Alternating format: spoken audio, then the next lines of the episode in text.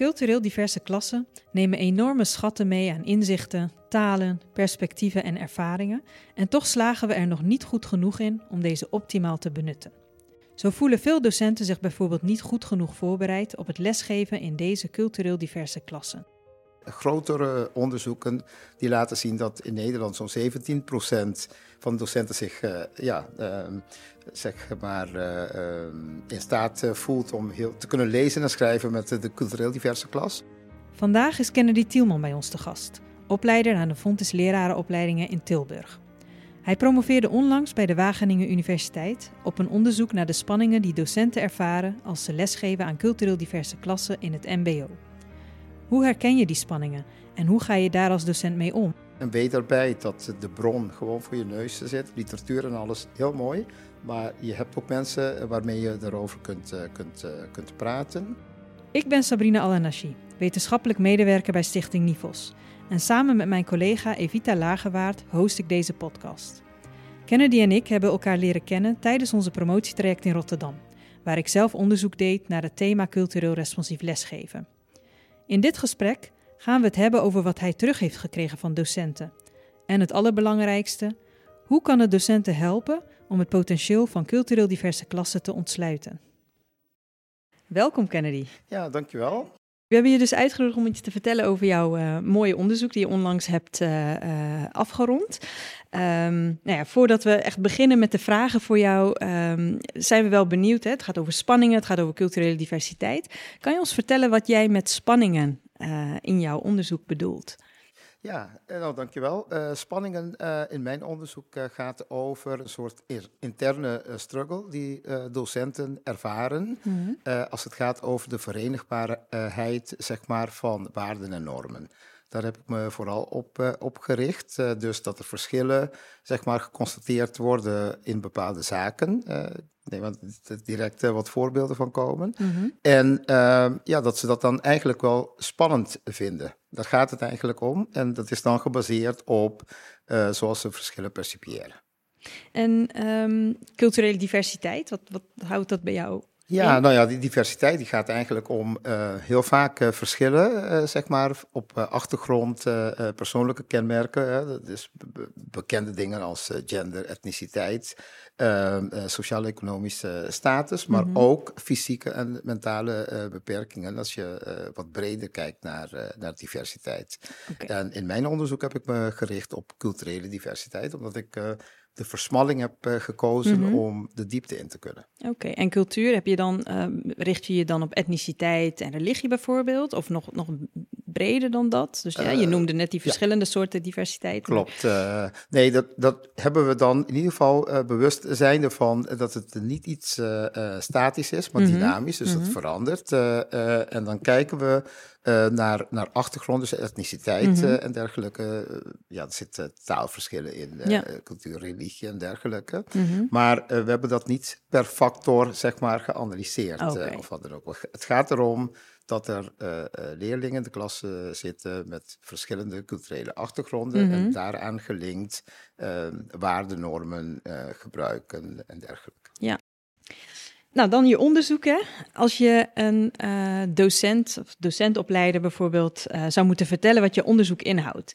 Wat zou je dan zeggen? Hoe zou je, in wat voor, ja, ja wat voor niet ja. zou je dat uh, vertellen? Nou, wat ik in ieder geval zou zeggen is dat cultureel diverse klassen unieke kansen zeg maar, bieden op verrijkt leren. Mm -hmm. want de verschillende perspectieven en ook uh, benaderingen uh, die, uh, nou, die verrijken het leren. Want ja, je hebt dan de mogelijkheid om daarmee in aanraking te komen. Daarvoor is de interactie tussen leerlingen en studenten ontzettend belangrijk. Dus mm -hmm. de mhm. docentenrol daarbij is ja, heel belangrijk, want die stimuleert dat over het algemeen.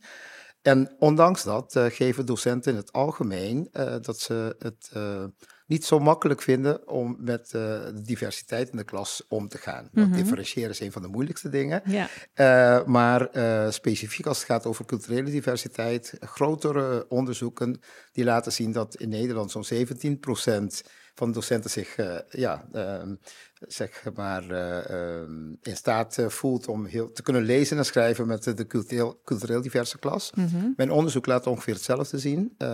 ik heb profielen gemaakt waarbij blijkt dat 63% toch uh, af en toe tot regelmatig spanning ervaart. Mhm. En dat betekent dus dat je 37% maar hebt die uh, ja, uh, daar geen last van heeft. Die zich daar beter voorbereid in voelt. of nog onbekwaam. Om, of nog, ja. Oké. dat ze dat nog niet weten. Dus je hebt gekeken naar die spanningen en, en specifiek hè, op het mbo? Ja, klopt. Ja. Wat heeft jou ertoe gemotiveerd om dit onderzoek te doen? Is dat vanuit jouzelf gekomen, van dingen die je hebt ervaren? Ja, dat is een, eh, een lang verhaal, maar ik ga het kort uh, vertellen. Uh, ooit kwam ik in Nederland ehm, als, ja, in mijn klas zat ik als enige student met een migratieachtergrond. Dat was op een MBO. En wat ik dat toen merkte, nu kan ik daar woorden aan geven, is dat docenten niet direct aansloten op mijn referentiekader. Ze wisten niet zo heel veel van mij. En ik dacht, ik ga Nederland studeren, kom uit Curaçao altijd geleerd, uh, Rijn komt Nederland binnen bij Lobit. Ik ben nog nooit gaan kijken, maar uh, uh, je kent alle grondsoorten en al dat soort dingen. Maar je kwam erachter dat de, de, docenten en de studenten niet zo heel veel van mij afwisten. Had ik weinig last van, maar ik was er ook niet zo bewust van. Later, na mijn lerarenopleiding, kwam ik terecht bij diezelfde school, die inmiddels wat cultureel diverser geworden was. En wat daar gebeurde was dat uh, als er een issue was, werden de studenten altijd naar mij gestuurd. Van Kennedy zal het wel weten, want die heeft ook een migratieachtergrond. Maar in feite wist ik helemaal niks. En wij werkten toen in de tijd met samenwerkend leren, probleemgestuurd onderwijs. Het enige wat ik deed is betreffende student uit de groep halen. De groep die kon verder, de student die kon alleen werken, maar aan het eind werden, konden ze geen van beiden, hebben ze geleerd om te samen, samen te werken. En vervolgens eh, kwam ik op de lerarenopleiding uh, terecht als lerarenopleider.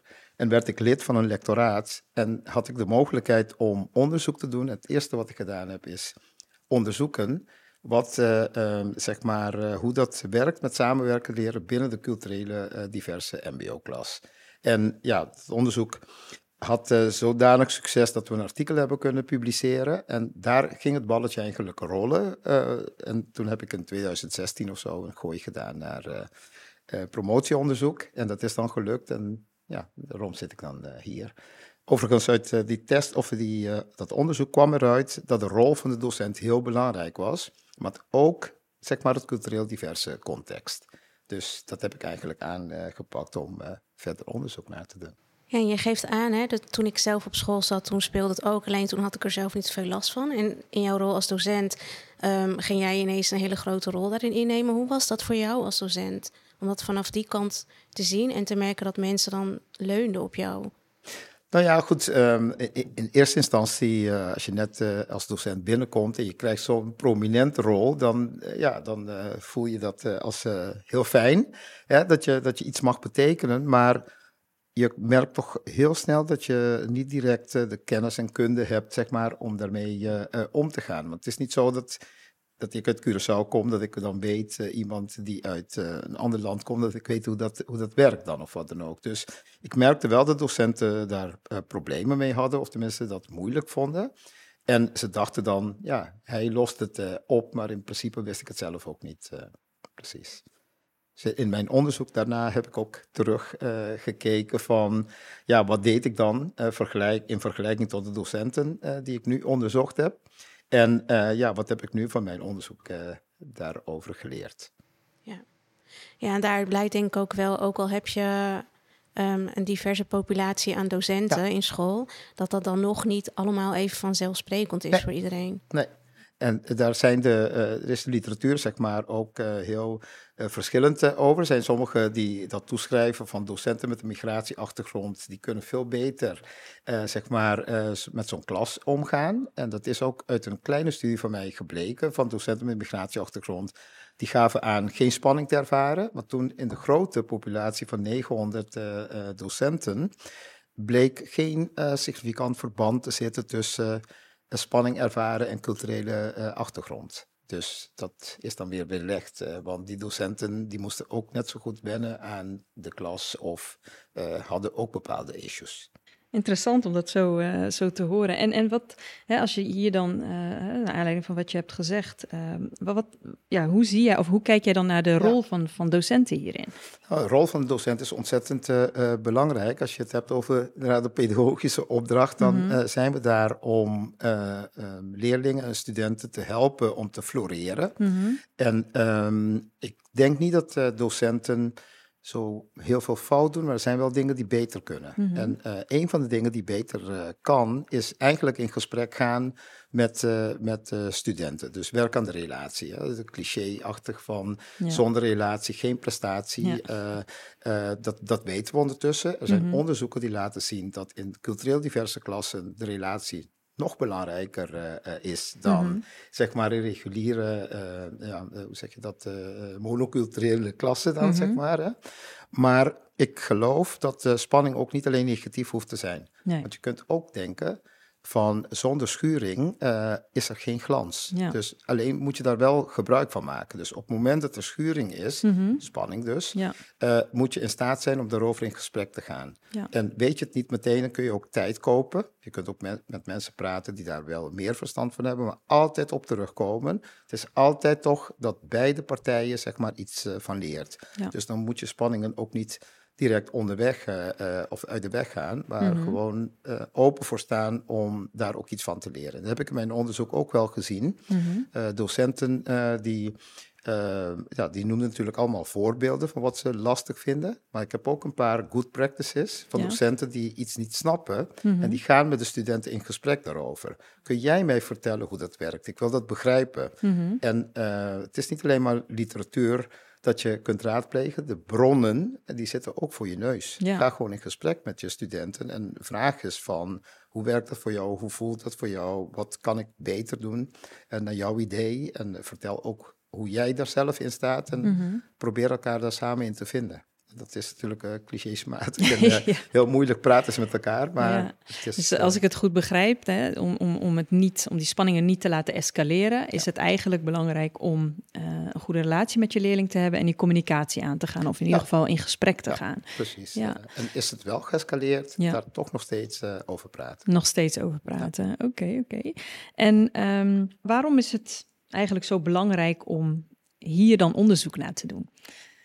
Ja, het is uh, um, um, heel belangrijk om uh, onderzoek naar te doen. En ik heb natuurlijk ook wel gefocust over de verschillen. Mm -hmm. uh, want dan weet je hoe dat werkt. Maar ik ben heel blij met de nieuwste ontwikkelingen. Bij ons ook op de lerarenopleiding is inclusie eigenlijk ontzettend, of hype niet, maar het, is heel, het speelt heel erg op dit moment. Mm -hmm. En daarbij gaat het erom dat je uh, zeg maar gebruik maakt van de verschillen. Dus dat vlieg je dat uh, positief aan, dan zie je dat niet als een probleem, maar mm -hmm. wat kunnen we van elkaar leren? Hoe zorgen we ervoor dat elk student zich ook gewoon goed en thuis voelt? Hè? De zogenaamde sense of belonging, dat ja. je fijn voelt. En daar kunnen we allemaal dus een bijdrage aan leveren. En als je dat hebt, dan zou je verder kunnen komen mm -hmm. door naar talenten te kijken, niet te gaan denken van die, dat achtergrond. Dus als je mij vraagt, noem ik nu geen diversiteit meer zonder inclusie. Die zitten ja. aan elkaar vast. En um, er zijn natuurlijk heel veel actuele vraagstukken momenteel, hè, waar, waarin veel spanningen, eh, denk ja. ik, waar, waarin docenten, docenten ook spanningen ervaren. Denk aan bijvoorbeeld gebedsruimtes hè, in, in openbare scholen of misschien in MBO-scholen. Hoe kijk jij dan vanuit jouw onderzoek uh, naar?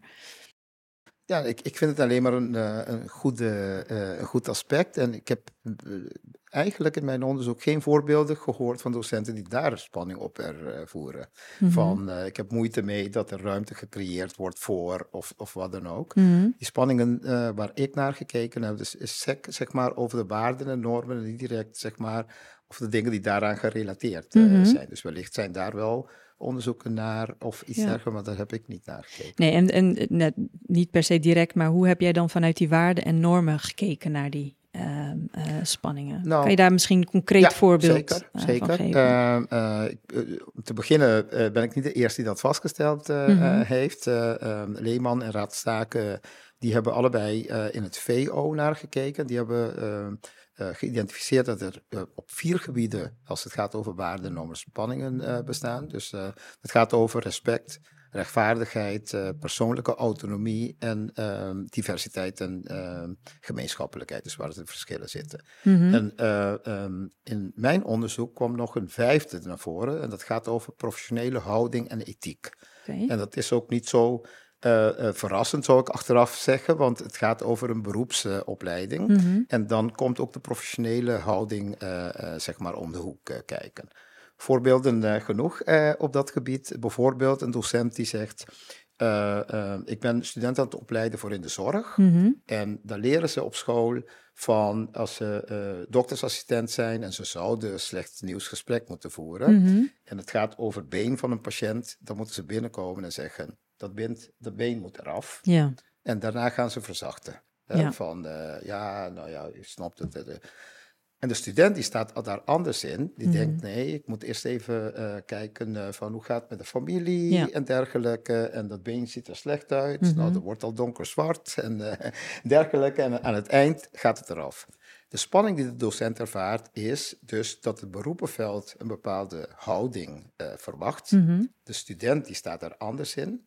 En die vindt het dan moeilijk van wat moet ik dan doen? Moet ik die student helemaal overhalen van Nee, slecht nieuws eerst en dan verzachten.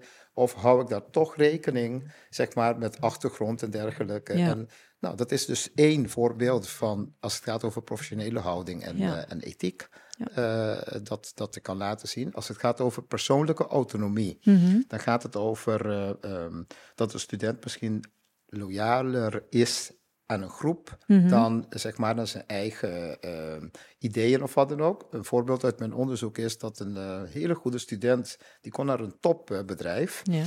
En uh, die wou dat niet, want die ging liever met de, met de uh, vrienden naar een ander uh, type bedrijf, dat bij wijze van spreken op een andere manier ingeschaald was. Mm -hmm. En de docent die had er heel veel moeite mee, want die had zoiets van, ja, je kunt daar veel meer leren. En ging het gesprek ook aan met de groep. Ja. Maar dat werd best wel lastig? Mm -hmm. want ja, de groep die had zoiets van, ja, maar bij ons is het toch leuk en ja. hier leren we toch ook wat. En die student die was daar ook mee eens. Ja docent vond het uh, moeilijk, dat is persoonlijke autonomie. Ja. Als het gaat over respect, dan uh, ook uit de eerdere onderzoeken die ik genoemd heb, ging het over respect tonen voor uh, de docent, mm -hmm. elkaar, schoolregels en dergelijke. Ja.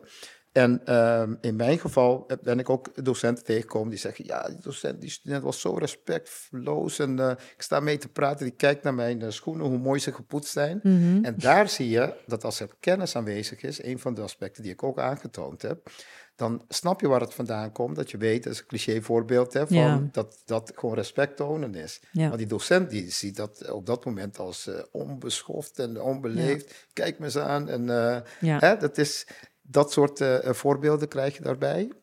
Diversiteit en gemeenschappelijkheid gaat het over gesprekken die docenten moeilijk vinden. Mm -hmm. Bijvoorbeeld, en dan gaat het uh, over soms religie, maar ook evolutieleer bij ja. biologie, uh, genderaspecten. dus dat docenten soms, als ze de gesprekken aangaan, omdat de diversiteit in de klas zit en mensen heel verschillend naar kijken, dat dat toch lastig vinden. Mm -hmm. En ehm, er zijn zelfs docenten die denken, dat gesprek voer ik niet meer, ja. want ik kan er niet mee omgaan.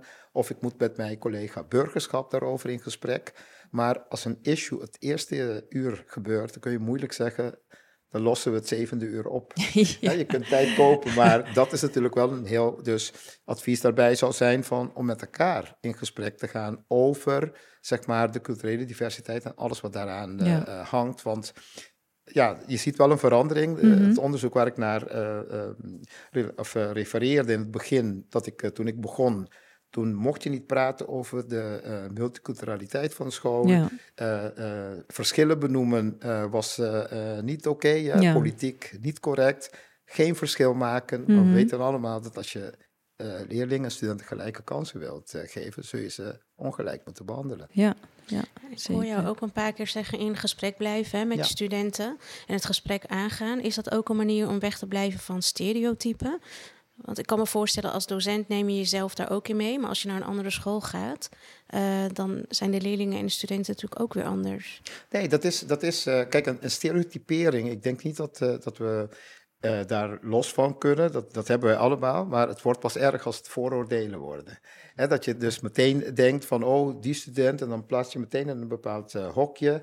En eh, eh, nou ja, dat verwacht je dan niet veel van. Hè. Lage verwachting, er zijn heel veel onderzoeken over, mhm. die dan aantonen dat dat, dat van invloed is op prestatie van zo'n leerling ook. Dus toch weer in gesprek blijven. in datzelfde onderzoek had ik toen vaak van die docenten gehoord. Ja, die groep, die jongens zijn, vertonen altijd macho gedrag en de meisjes liegen om geen gezichtsverlies. En als ik dan doorvroeg ja, dat weet je zelf ook, of dat zegt iedereen. Of dat, dat ik denk, waar komt het dan vandaan? Geef eens mhm. voorbeelden. Of hadden alleen maar om te proberen mensen daar ook bewust van te maken dat ze uh, ja, uh, op dat moment vol zitten met vooroordelen en dat dat kansengelijkheid in de, in de weg zit. ja. ja. ja. Ja, mooie voorbeelden uh, die je noemt, Kennedy. Dan wil ik daar ook op aanhaken, want jij, bij jou in, je onderzoek is een opvallend resultaat uh, dat docenten meer, met meer multiculturele kennis minder spanning ervaren. Uh, maar dat docenten met meer multiculturele vaardigheden juist um, meer spanning ervaren. Ja. Kan je eerst, ja, voordat je daarop ingaat en, en je dit, hè, ik vraag je om dit te verklaren, um, eerst eens kan je ons vertellen wat, wat, wat je bedoelt met multiculturele kennis? En wat zijn die multiculturele vaardigheden? Ja, nou ja, multiculturele kennis zou je kunnen zien als adequate uh, kennis. Kijk, uh, hiervoor was het van dat je bepaalde groepen, dat je daar van alles over wist. Uh, maar dat, dan zit ook het gevaar achter. Kennen die komt uit Curaçao. Dan heb ik helemaal dat plaatje hoe die Curaçaoenaar is. en, uh, et cetera. Dan uh, ga je al vanuit. Mm Bij multiculturele kennis, volgens Panierman, hè, gaat het eigenlijk dat je continu nadenkt over je attitude. Maar ook je kennis van multiculturaliteit. Dus mm -hmm. een van de aspecten die daarbij belangrijk is, is multiperspectiviteit. Dus dat mhm. je weet als een issue zich voordoet, dat er meerdere perspectieven op uh, zitten. En als je mhm. dat dan, zeg maar, een podium uh, geeft, tenminste naar luistert en uh, daarna kijkt van wat je ermee kunt doen. Dus met mhm. andere woorden, je bent continu eigenlijk aan het evalueren tijdens je ja, handelen dan, zeg maar. Dat, dat is als het gaat om kennis. Mm vaardigheden gaat hoe je handelt. Want je kunt dat wel weten en vinden, maar uh, ben je ook in staat uh, om daarmee om te gaan. Dat is het mhm. tweede. En de derde is de houding. Ja. Ben je bereid dat uh, te doen? Want ja. je kunt dat weten en kunnen mee omgaan, maar je moet ook voelen van, oh ja, ik sta er voor open, ik wil dat doen, om dus die drie dingen samen zien we als de multiculturele competentie. Mm En wat ik in mijn studie gedaan heb, is dat ik ze uit elkaar getrokken heb mm -hmm. om te kijken hoe ze onderling, zeg maar, gerelateerd zijn aan spanningen, uh, hoe kennis of hoe achtergrondkenmerken daar ook een rol in spelen. Mhm. En daar heb ik inderdaad de verrassende, het verrassende resultaat gevonden dat als je veel kennis hebt minder spanning ervaart. Nou, mm -hmm. voorbeeld van respect net te laten dat zo zien. Hè? Want als je weet waar het vandaan komt, dan zie je dat niet als spanning. Denk je, oh ja, snap En je bedoelt dan het voorbeeld met elkaar in de ogen aankijken. Of, uh, dus dan, dan weet je dat gewoon, dan kun je daar gebruik van maken. Mhm. Als het gaat over vaardigheden, waren we inderdaad uh, verrast. Want uh, docenten die aangaven heel vaardig te zijn die bleken ook meer spanning te ervaren. En daar moesten we natuurlijk wel met verklaring uh, voor uh, ja. komen. Ja, nou ben ik wel benieuwd. Uh, ja, nou ja, goed. Kijk, um, um, ten eerste, een van de dingen, het was een vragenlijststudie. Hoe interpreteer je dat? En jij zegt, de self-reported, van dat je heel vaardig bent. Ja. Kijk, zij wist niet natuurlijk dat ik dat ging koppelen. Ja. van, um, dus dat is één. Het mm -hmm. tweede is dat wellicht docenten die zich heel vaardig voelen ook gewoon durven om de moeilijkste gesprekken aan te gaan. Ja. Waarop ze vervolgens wellicht weer spanning, spanning ervaren. Mhm. Ook is het mogelijk dat docenten, dat heb ik niet uh, bekeken, die veel spanning of uh, heel vaardig zijn, in de moeilijker klassen geplaatst worden. Mm Dat in school denken ze van ja, jij uh, uh, ja, hebt goed, goede ervaring met dat soort klassen, dan zetten we je daar. Ja. bij mijn verdediging liet een opponent mij nadenken over iets. Hij zei ja, je zou dat misschien ook kunnen omdraaien. Ja. Dat docenten die veel spanning ervaren, juist vaardiger daarin worden. Mm die manier heb ik het zelf niet aangevlogen, maar dat is ook een plausibele verklaring daarvoor. Ja, ja, dus hoe meer spanning je ervaart, hoe, ehm, hoe meer je een expert wordt, zeg maar, daarin. Ja, dat zou je kunnen zeggen. Maar er was nog een opvalling, opvallende, uh, opvallend resultaat. Mm -hmm. Want ook docenten die aangaven veel uh, training te hebben gehad, die ervoeren ook veel spanning. Oké. En de link zou gelegd kunnen worden. Er is iemand die doorgaat met een soort vervolgonderzoek. Op Ja. mijn onderzoek ben ik heel blij mee. Mhm. Eh, ehm, om te gaan kijken naar die trainingen. Want als dat vaardigheidstrainingen zijn, Ja. nou, dan is dat in lijn met alle resultaten van mij. Mhm. Want dan zou je eh, docenten vaardigheden leren, terwijl ze helemaal geen kennis hebben. En dan denken ze, oh, als dit, dan dat. Ja. Maar dan zou het ook anders kunnen uitpakken. Dus zelf pleit ik ervoor. eh, ja, echt de, de hele grote relatie die ik gevonden heb, is tussen eh, kennis en eh, spanning. Spanning. Dat ja. je aan kennis werkt, Mhm. hè, van dat, dat altijd voor minder spanning zorgt. Mhm. Vaardigheden, nou, heeft zich eh, apart eh, gedragen. Daar kijken Ja. we nog even verder naar. En houding heb ik ook voor gevonden dat docenten met een open houding ook Mhm. minder spanning ervaren. Want die zien spanningen heel vaak als een leermoment en niet direct als een probleem. Nee. En dat gebeurt, oh, dat wil ik wel weten wat het is, eh, ik ga erover in gesprek. Mhm. Nou, dat is een open houding. Een open houding, Ja. ja. ja, En die, ehm, in jouw onderzoek, je zegt, ik heb gekeken naar de, eh, mensen die ook eh, training hebben gevolgd. Ja. Dat, dat zorgt dan ook voor meer eh, spanning. Ja. Wat voor, om wat voor trainingen gaat het dan? Nee, die trainingen heb ik dus niet. docenten gaven gewoon aan. Oké, die bijvoorbeeld, ik heb eh, ehm, ehm, veel trainingen gevolgd. Of Ja, oké. geen trainingen of wat trainingen. En toen heb ik dus gekeken, docenten die veel trainingen gevolgd hebben, Ja, die bleken ook veel spanning te ervaren. Die relatie was significant. oké. En wat voor, om wat voor trainingen het dan gaat, dat is niet Nee, dat heb ik niet duidelijk. gekeken. Oké, oké. eh, Meer voor de duidelijkheid, ook ja, voor de nee, luisteraars, zeker. dat we weten Ja, om wat voor trainingen het gaat. Ehm, en die kennis, hè? hoe zou je als docent dan meer kennis op kunnen doen?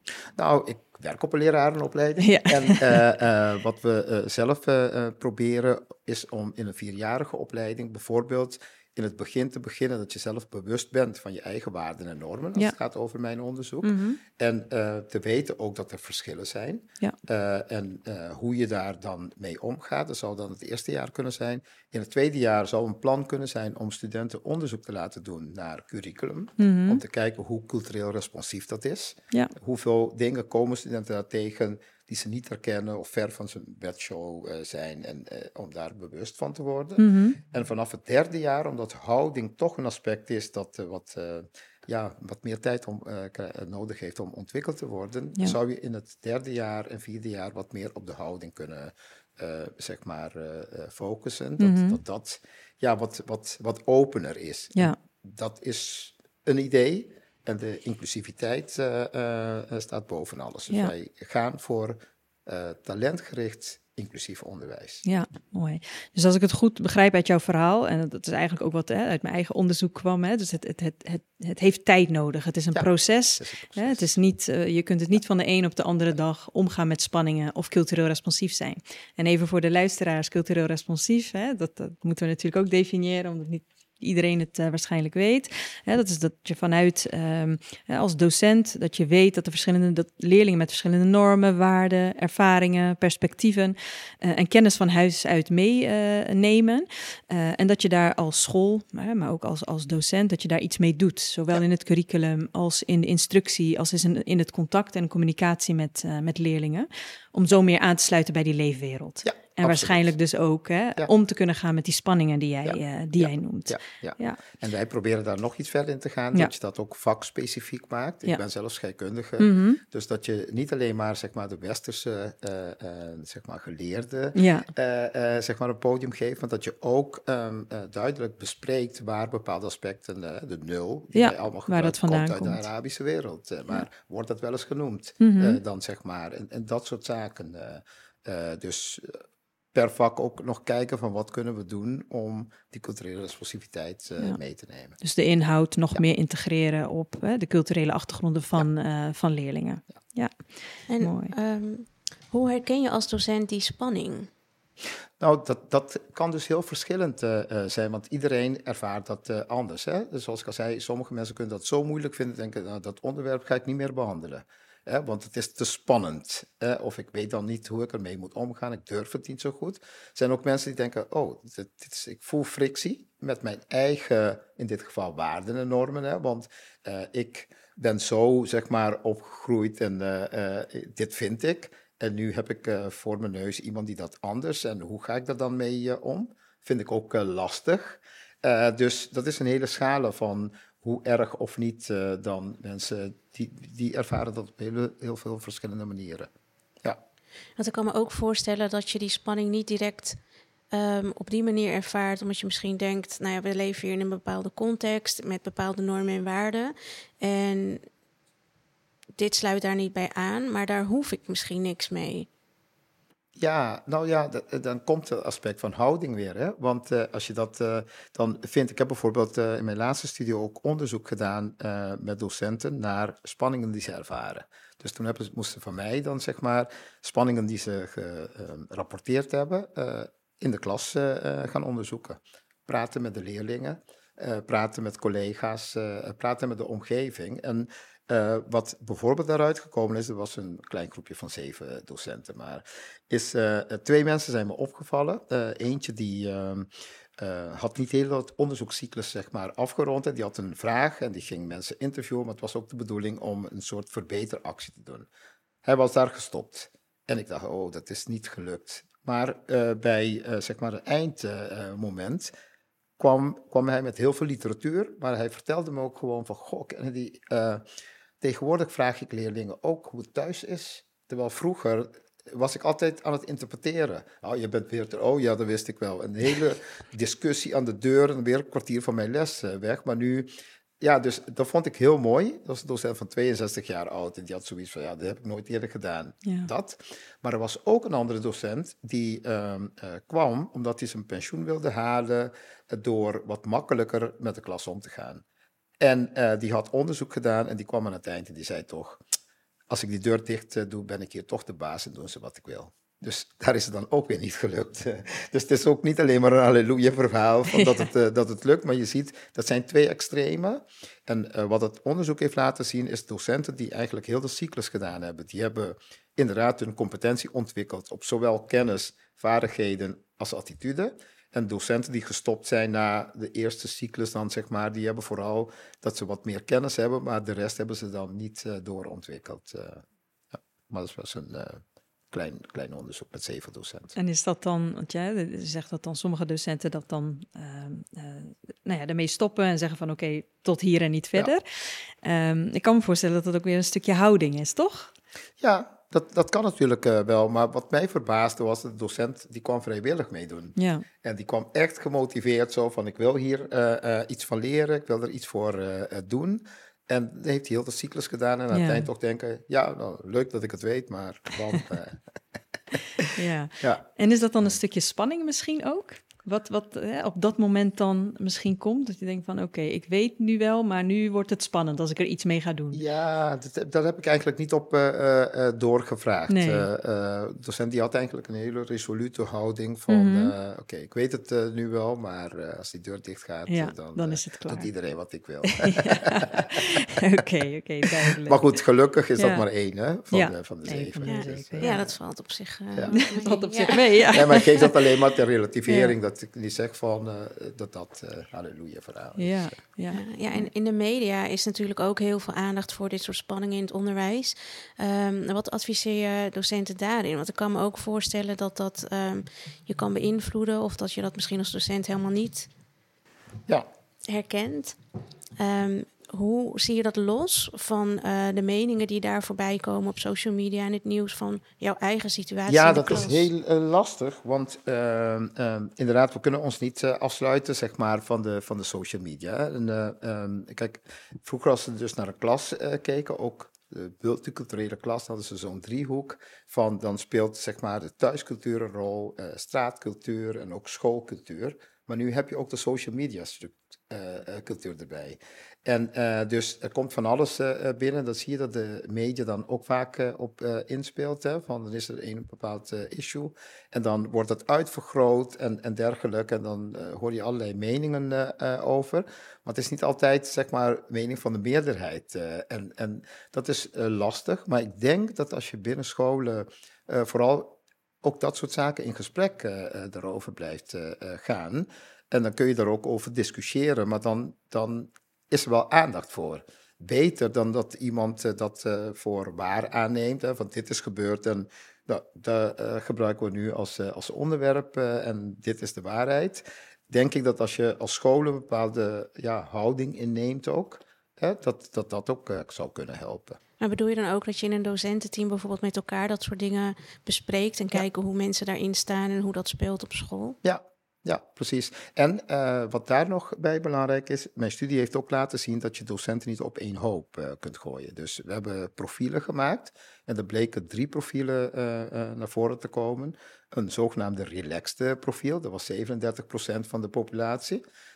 die bleek niet zo heel veel spanning te hebben. Een middenprofiel van 50% was uh, de profiel waarin docenten zaten die dus af en toe spanning ervoeren. Mm En 13% ervoor dan heel vaak uh, spanning. Mm Je zou binnen school die profielen ook met elkaar kunnen laten samenwerken. Mhm. Dus de docenten met, zeg maar, in de ja, hoge profiel met veel spanning, zouden wellicht iets kunnen leren van de andere docenten met, met minder spanning dan, zeg maar. En ik heb ook nog de relatie kunnen leggen van dat die docenten in bepaalde segmenten uh, werkzaam uh, zijn. En daar is de context ook heel anders. In het MBO bleken de docenten die veel spanning ervoeren te werken in niveau 1, 2 en 3. Als je daar naar de populatie kijkt, dan is dat diverser mm -hmm. dan niveau 4. Dus de context uh, die speelt echt een rol. Dus met andere woorden, niet iedereen dezelfde training. Nee. Maar dan zou je kunnen denken van, je zou dat kunnen gebruiken, uh, dat van ons onderzoek, om te kijken welke groepen er zijn. En dan training op maat, maar vooral ook met elkaar dingen laten doen. Ja, ja. mooi. Ja, en, en ja, je hebt het dan over die spanningen die docenten ervaren. Uh, heb je ook gezien dat, dat leerlingen daar iets in uh, ervaren? En wat voor gevolgen heeft dat? Nee, in mijn onderzoek heb ik uh, echt alleen naar docenten gekeken. In mm -hmm. mijn ja, voorlooponderzoek dan, ja. zeg maar, heb ik ook perspectieven van studenten bekeken. Daar bleek dat er een kloof tussen bestond. Hoe docenten, ja. zeg maar, de groep zagen, dat was heel anders dan hoe de, de studenten, de docenten. en daarbij heb ik met de twee partijen gesproken, maar mm -hmm. tijdens dit promotie promotieonderzoek. Nee. En daar was een verschil toen de tijd, maar dat is wat langer geleden, ja. dat docenten allemaal beelden hadden over de studenten. Ja. En uh, de studenten ook over de docenten, maar mm -hmm. dat die twee dingen dus ver uit elkaar uh, Ver uit elkaar, ja. En uh, ja. ja. zoals ik al zei, de, het vervolgonderzoek, daar wordt ook perspectief van de student meegenomen. Ja, ja. Oké. Okay. En, en kan je misschien iets zeggen, misschien niet op basis van jouw onderzoek, maar misschien op basis van andere onderzoeken, wat, wat voor gevolg dan die spanningen hebben voor leerlingen of voor studenten? Nou, kijk, uh, uh, wat ik denk, maar dat heb ik niet ge nee. gemeten mm -hmm. of onderzocht, is uh, afhankelijk van ja, wat voor resultaten spanning voor de docent heeft, zal mm -hmm. de leerling iets van kunnen merken. Stel mm -hmm. je voor, een belangrijk onderwerp bij burgerschap ja. uh, geeft bepaalde spanning en de docent die denkt, nou, dat even niet. Ja. Dan onthoud je uh, de student wel bepaalde kennis, vaardigheden en dergelijke om ja. mee te krijgen. dus dat zou, dat zou heel uh, erg zijn. Dus het zou mooi zijn als je met elkaar in gesprek gaat van, nou, wellicht kun je het op deze manier aanvliegen en dat ja. het uh, ja, meer succes heeft. Dan doe je de student niks mee tekort. Ja.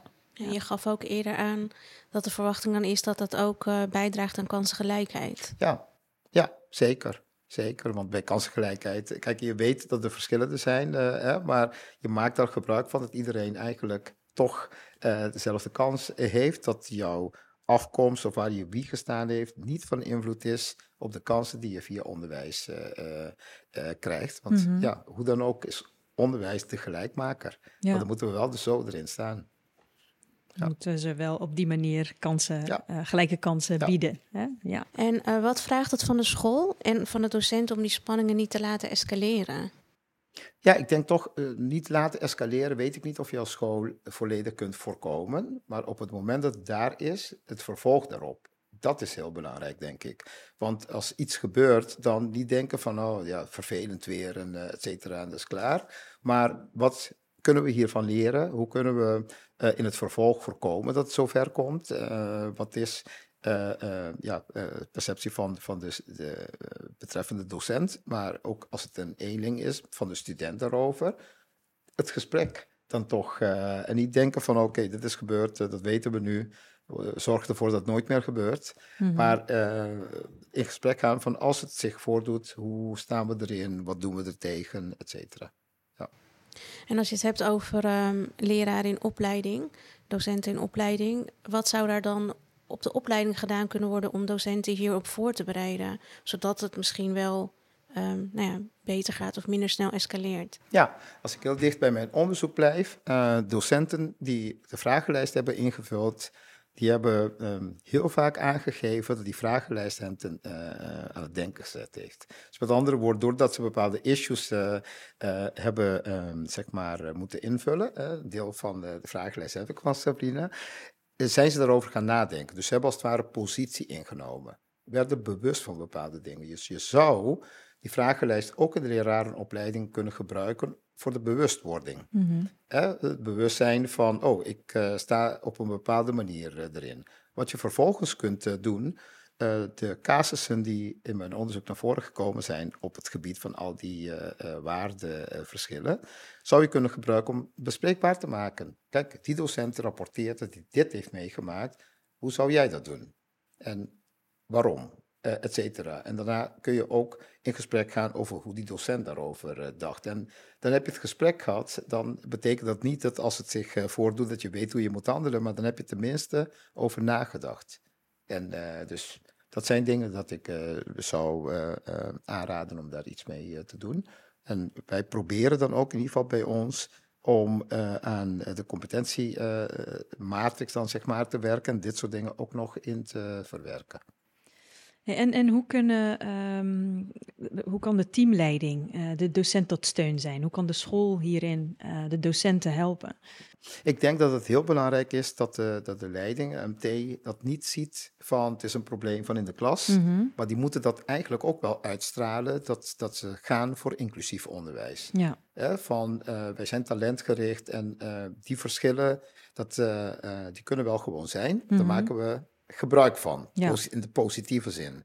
Ik denk dat als je dat uh, uitstraalt, je zorgt voor de juiste training voor je uh, docenten, je luistert ook van wat ze nodig hebben, denk mm -hmm. aan die mhm. drie verschillen, ja. uh, en je faciliteert dat, dan werk je daar aan mee. Dus je moet dat als de MT ook uitstralen. Mm -hmm. En ik denk dat dat heel erg helpt om, om ook verder te komen. En niet te denken van ik wil alleen maar dat, uh, dat ik genoeg uh, geslaagde heb. Ja. En jullie zien maar hoe je het doet. Ja. Nee, ja, dat moet je dan toch wel aangeven. Ik denk dat dat is ook een kwestie van houding. Hè? Mm -hmm. Hoe je erin staat en ja. wat je dan doet. En je bedoelt dan, als ik het goed begrijp uit jouw woorden, in termen van professionalisering aanbieden. Ja. Um, en alleen in termen van professionalisering? Of vraagt het ook nog wat anders van, van de school? Nou, en de professionalisering heb ik ook nog een opmerking over. Mm -hmm. Er moet geen entertainment worden. Mm -hmm. Er moet niet een entertainment op educatie uh, in de laatste week voor de zomervakantie mm -hmm. uh, uh, en dergelijke zijn, maar wel een, een, een, een professionalisering die eigenlijk doorlopend is. Dus ik zou dat, als ik dat in een jaar zou doen, splitsen, dat er om de twee, drie maanden iets is ja. en dat er ook een vervolg is. Bijvoorbeeld aan de hand van het onderzoek wat ik zelf gedaan heb, daar waren zes sessies verspreid over het land of over het jaar. Mm -hmm. En dan ja, dan, dan, dan heb je een soort continuïteit ja. ook. En dan ook wat meer diepgang. Mm -hmm. uh, en zeker voorkomen dat alleen maar vaardigheden uh, ja. zijn. Ja. Hey, en, en als je, hè, we hebben het nu over, over de school gehad, de docent. Um, als je kijkt naar bijvoorbeeld de buitenschoolse bronnen. Uh, uit welke buitenschoolse bronnen kan geput worden om die spanningen te, te verminderen? Nou, ik denk dat dat had in mijn onderzoek ook een docent aangegeven van. Um, uh, die werkte op een bepaalde school en uh, als hij iets niet snapte, dan ging hij bijvoorbeeld uh, praten met ehm, ehm, verenigingen en dergelijke mm -hmm. van bepaalde groeperingen om mm -hmm. dat beter te, te, begrijpen.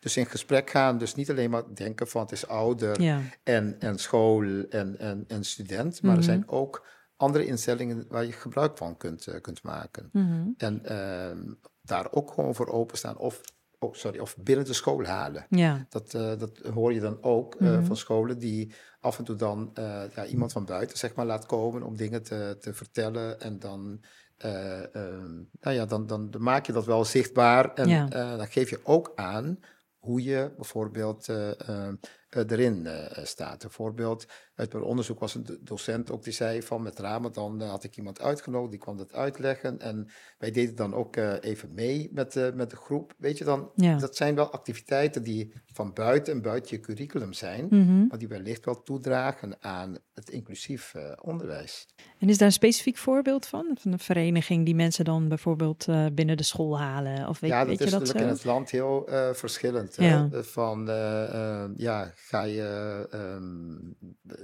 ja, het is, het, is, het is, heel verschillend. Ze hebben niet één specifiek iets nee, genoemd, maar wel, ja. wel buiten, buiten de school. Ja, gaat dat dan bijvoorbeeld om iemand van de kerk of iemand uit de gemeente? Of bedoel je dat dan? Ja, ja dat, dus als het gaat over religie, dan zou je dat natuurlijk op, op de verschillende religieuze achtergronden, mm -hmm. zeg maar, de institutie uh, binnen kunnen halen of naartoe kunnen gaan. En mhm. ook uh, met alle leerlingen bijvoorbeeld en dat soort dingen. Ja. Het zijn dingen die gebeuren. Ja. Ik kan me ook voorstellen dat je in je mm, docententeam ook op dat gebied diversiteit hebt. Dus in hoeverre is het dan gewenst dat je vanuit leerkracht jezelf meeneemt op die manier en laat zien aan de leerlingen?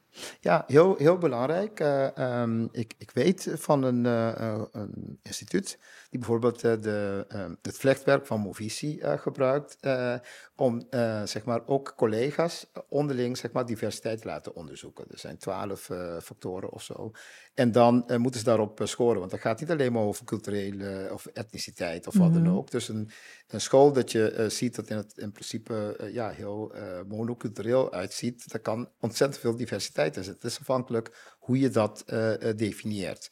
En heel vaak geeft dat, denk ik, een verrassend effect. Dat ze denken, oh, dat had ik nog niet gedacht. En kijk eens hoe we toch elkaar kunnen aanvullen en dergelijke. Nou, hoe mooi zou het zijn dat je in je docententeam dat ook, dan, zeg maar, daarvoor zorgt. Dat, je, dat je ook bij je werving denkt van, ik wil wel een afspiegeling zijn, zeg maar, van mijn gemeenschap. En nou, volgens mij uh, is het uh, heel verschillend in het land, uh, maar um, dat zou wel positief zijn, denk ik. Mm -hmm. Al heb ik zelf niet de, het verband gevonden, maar voor de afspiegeling heeft het al, ja, genoeg, is, is het genoeg wenselijk al. Duidelijk. En, en um, nou, we zijn bijna klaar, want ik heb nog zo, zoveel vragen om te stellen, maar ik denk dat we langzamerhand moeten afronden. Um, nou, ik heb nog, nog twee vragen. Allereerst, um, ja, je, je, hebt je onderzoek uh, in het MBO gedaan. Wat zie jij van jouw resultaten terug in PO en VO? Wat kan het PO en, uh, en, het VO hiermee? Nou ja, goed. Het VO uh, is voor mij nog uh, zeg maar onderzocht en ja. daarop heb ik voortgebouwd. Mm -hmm. van PO weet ik dat er mensen als collega, lector Linda van den Berg, die doet daar heel veel onderzoek. Mm -hmm. ze is lector van waarderen van diversiteit. Mm -hmm. En die is veelal bezig met het PO. Uh, dus daar komt zeg maar wat, wat dingen uit. Uh, wij doen af en toe dan ook dingen samen. Maar om te zeggen van uh, dat ik mijn onderzoek zo één op één daarop kan plakken, dat kan ik niet, niet nee, zeggen. Nee, dat kan je niet. nee, nee. En is er wel iets wat ze zeg maar mee kunnen nemen waarvan jij denkt, oh ja, dit is wel iets wat ik zou kunnen adviseren vanuit, jou, vanuit jouw onderzoek? Nou ja, wat ik sowieso denk, wat, wat we besproken hebben van die open houding. Mm -hmm. Je hebt niet direct een beeld van die student komt naar je toe en dat je alles al ingevuld hebt. Ja. Maar ga in gesprek, je hebt een onderzoekende houding mm -hmm. van, maar ook je reflectievermogen van als iets zeg maar gebeurt of je denkt erover na, check het, ja. hoe sta je erin. ik denk dat dat heel, hele belangrijke ja. dingen zijn. Dus een open houding en communicatie. Ja, en, Twee, en kennis hè. Key kennis, elementen en kennis, toch, ja. Ja. Nou, dan de laatste afrondende vraag. Um, Welke drie tips zou je onze luisteraars mee willen geven om met die spanningen in het onderwijs om te gaan? Nou, ik denk dat we een aantal uh, inderdaad uh, al uh, genoemd hebben. Dus die, um, ik zei dat net van een, een, een open houding dan, mm -hmm. zeg maar, oh, hebben. Van dat je open staat om, om te leren. Dus als er iets gebeurt, niet meteen gaan invullen, maar proberen te begrijpen waar het vandaan komt. Mm -hmm. En niet in de laatste plaats gewoon praten met de, ja, degene waar het om gaat, de mhm. betrokkenen. Mm -hmm. Uh, uh, zorg voor kennis en weet daarbij dat de bron gewoon voor je neus zit. Literatuur en alles, heel mooi.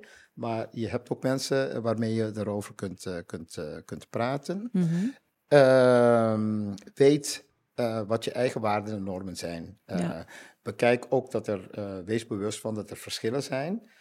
en ehm, ja, gebruik, maak gebruik van de multiperspectiviteit. Dus dat is van invloed op hoe mensen op dingen reageren. Maar als je dat dan weet, uh, dan, ja, dan kun je op een andere manier daarmee omgaan. Door het toch nog een podium te geven, erover in gesprek te gaan Mhm. en dergelijke. Het zal voor mij de drie uh, dingen zijn. Als ik nog iets mag invullen of ja. uh, aanvullen, Tuurlijk. moet ik zeggen van, ik heb heel veel kaartjes gehad met mijn promotie. Mhm. En eentje die mij heel geraakt heeft, die zegt, proficiat met je onderzoek, je boek is eindelijk af.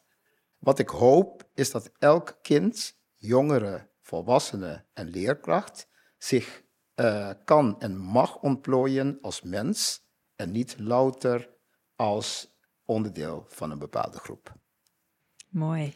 Dat dit uh, heel veel uh, zegt over ja, wat je onderzoek dan toch ook doet met, met, met anderen, dat ze tot zo'n ja, tekst komen. Dankjewel, mooi. Dankjewel Kennedy voor jouw verhaal en, en, en de inzichten die je aan ons hebt meegegeven. En uh, Kennedy, om dit nu echt af te sluiten, wat, um, ja, waar zou je willen dat het onderwijs over vijf jaar is? Nou, um, als ik denk aan um, zeg maar uh, de lerarenopleiding, Mhm. hè, want die heeft daar een uh, prominente rol in om uh, docenten goed op te leiden, is een van de theorieën die we heel veel gebruiken van Daisy en Ryan. En daar zit bijvoorbeeld verbondenheid in. Mhm. Als je denkt aan inclusie, dan gaat het eigenlijk ook over verbondenheid tussen mensen. Ja. En de sense of belonging, dat ze het gevoel hebben erbij te horen, erbij te mogen zijn. Mhm. Nou, hoe mooi zou het zijn om uh, eigenlijk uh, aan die verbondenheid wat meer uh, te werken. En ja, dan komt eigenlijk net hetzelfde terug als bij dat kaartje, dat iedereen wel het gevoel heeft dat ze gewoon mee mogen doen. Ze voelen zich prettig daarbij en kunnen bijdragen. En in Nederland in het algemeen zou ik kunnen zeggen, Nederland heeft een kenniseconomie Mhm. en die heeft een prominente positie in de wereld. Om die kenniseconomie, uh, zeg maar, uh, of die um, uh, status te blijven houden, Mhm. hebben wij iedereen nodig. Ja. Dus laten we aan iedereen, zeg maar, de beste mogelijkheid geven om ja, zo die positie te behouden. Mooi, dankjewel. Dankjewel voor je verhaal.